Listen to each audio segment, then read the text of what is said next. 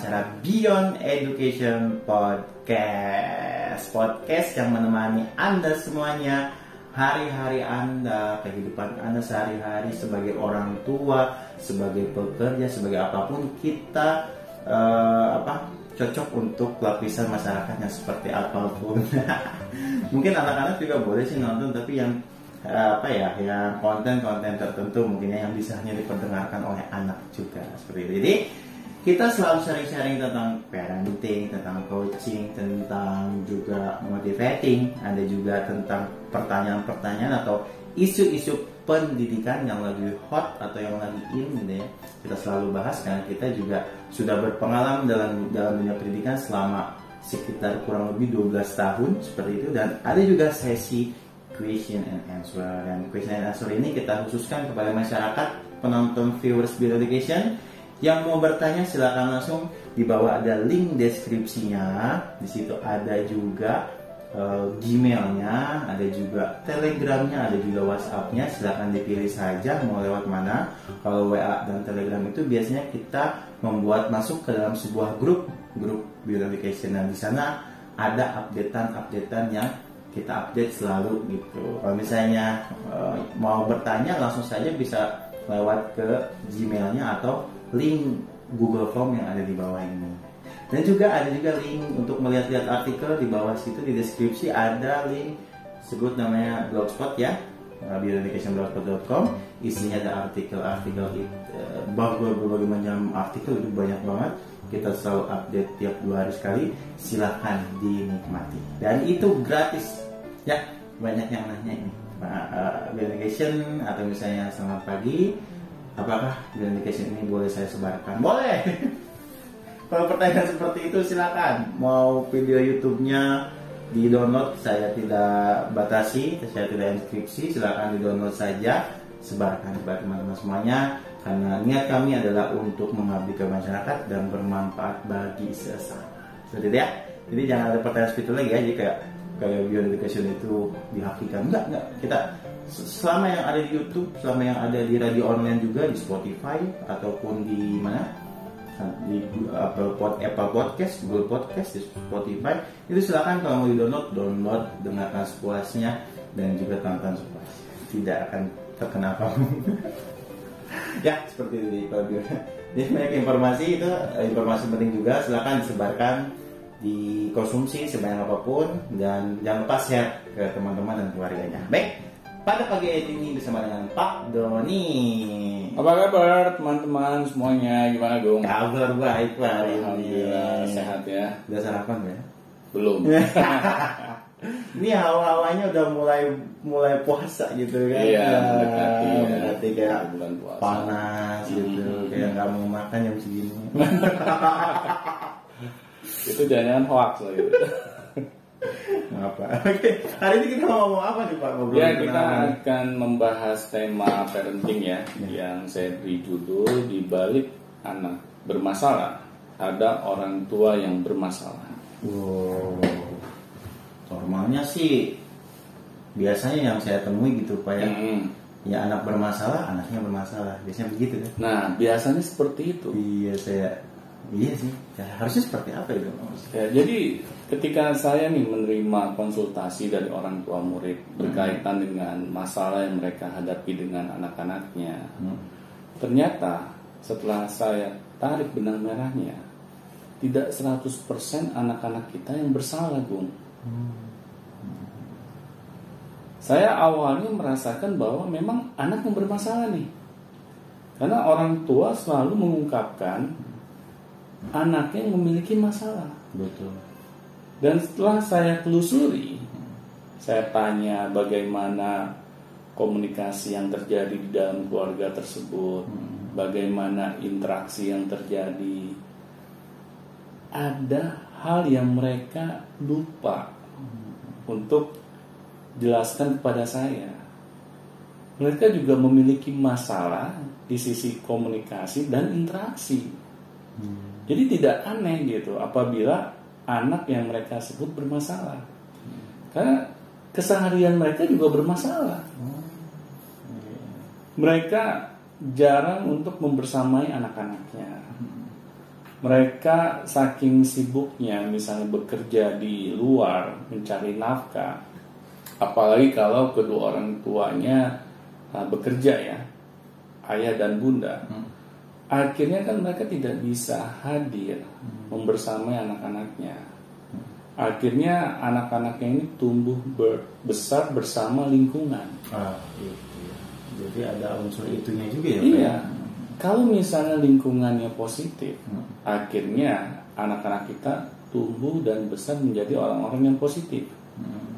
tetapi kalau lingkungannya negatif bagaimana Betul. apa yang terjadi kepada anak-anak kita Dia tumbuh dengan kondisi negatif juga kan. Nah itu akhirnya di situlah timbulnya masalah. Anak-anak kita terbentuk karakternya oleh lingkungan, Karena tidak diperhatikan Benar. orang tuanya. benar. Karena orang tua merasa tanggung jawab mereka itu sebatas memenuhi sandang pangan papan Hmm. buat anak-anaknya. Hmm. Mereka tidak memikirkan bagaimana mengenai kejiwaan anak-anaknya. Iya. yang seharusnya ini diisi oleh kedua orang tua mereka. Karena mereka pikir bahwa yang tugasnya untuk mendidik anak-anak mereka itu adalah pihak sekolah. Iya. Setahu mereka begitu ya. Ya, Dan mereka percaya itu. dan mereka percaya itu. Iya betul. Karena mereka merasakan bahwa itu yang terjadi dalam kehidupannya. Iya. Mereka udah bayar selesai. gitu. Iya. Padahal kita tidak sadar apa sih yang diajarkan oleh pihak sekolah kepada anak-anak kita. Hmm. Apakah mereka mengajarkan pendidikan karakter? Hmm. Iya betul betul. Kan ini jadi pertanyaan. Hmm. Kalau di sekolah misalnya mereka hanya diajarkan pendidikan akademis, terus kita berharap anak-anak kita memiliki karakter yang baik. Bagaimana itu bisa terjadi? Nah, di sini kan timbul masalah gitu. Orang tua sangat berharap pihak luar lah yang dapat mengisi pendidikan karakter anak-anaknya. Hmm. Iya juga. Dan akhirnya kan anak-anak kita ketika mereka tidak mendapatkan pendidikan karakter yang benar, akhirnya karakter mereka ini jadi bermasalah. Dan orang tua akhirnya terkaget-kaget kok anak saya yang selama ini saya eh, berikan pendidikan yang begitu mahal, Hmm. misalnya orang tua tidak memiliki masalah nih dengan finansial, Iya. dia sanggup menyekolahkan anaknya di sekolah yang semahal apa pun Hmm. karena harapannya memberikan pendidikan yang berkualitas kepada anak-anaknya ternyata kok anak-anaknya ini bermasalah dengan akhlaknya Hmm. dan akhirnya kan orang tua ketika anak melakukan tindakan-tindakan yang di luar keinginan orang tuanya orang tua jadi komplain kok anak saya berani melawan ya Iya. iya. kok anak saya diem-diem misalnya merokok ya Kaget dia. kaget gitu apalagi kalau sampai anak-anak mereka ini melakukan tindakan-tindakan yang di luar semestinya misalnya mereka terkena narkoba Nah. terkena pergaulan bebas hingga hamil di luar nikah bayangkan kalau itu sampai terjadi pada keluarga kita Dan pasti yang disalahkan anak. Benar. Jangan kita pikir nasi sudah jadi bubur, terus kita tinggal isi dengan cakwe, ayam goreng dan yang lain-lain. Itu sudah nggak mungkin gitu. Ini kan masalahnya akan sulit kita urai gitu. Betul. Nah di sini akhirnya orang tua harus sadar apabila kita tidak mau terlibat langsung dalam pendidikan anak-anak kita, ya kita tinggal tunggu hasilnya, bu. Iya. Mungkin awal-awalnya ya eh, baik-baik saja karena kita tidak tahu sebenarnya yang akan terjadi di masa depannya seperti apa. Nah Gitu. itu akibat kita menutup diri untuk mempelajari ilmu parenting. Karena kan dalam ilmu parenting ini sangat penting gitu. Orang tua sebagai pendidik utama bagi anak-anaknya. Bukannya kita ini ya memberikan pendidikan anak kita berupa pendidikan akademis semata gitu. Misalnya nih orang tua disebut mendidik anak-anaknya ketika orang tua membantu membuatkan PR bagi anak-anaknya. Hmm. Bukan seperti itu yang disebut mendidik anak-anak kita. Kalau seperti itu mah apa bedanya kita dengan guru les gitu. Kita memberikan pendidikan pelajaran akademis semata gitu. Seharusnya kan di sini orang tua sadar gitu. Kalau kita ini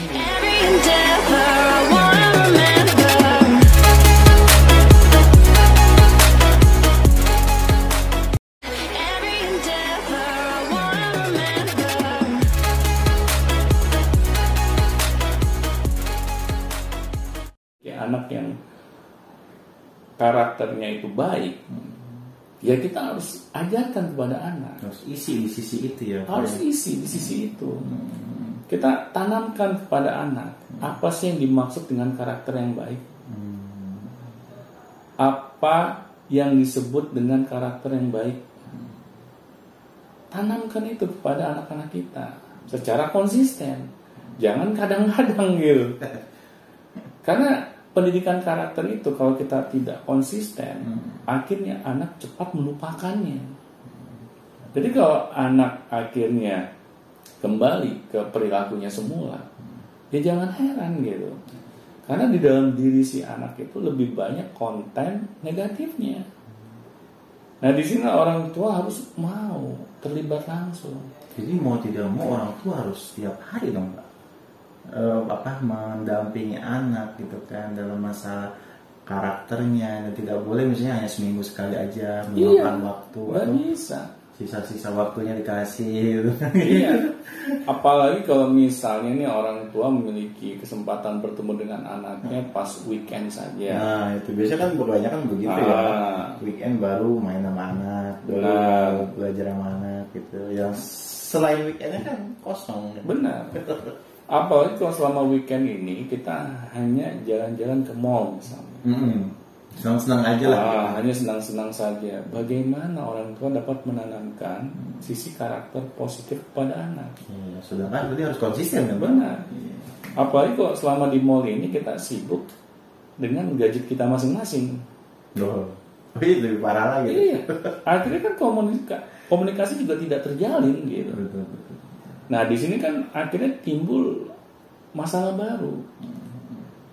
Kalau kita tidak mau meluangkan waktu kita bagi anak-anak kita dalam memberikan pendidikan karakter, akhirnya karakter baik yang kita harapkan anak-anak kita miliki itu nggak akan kejadian.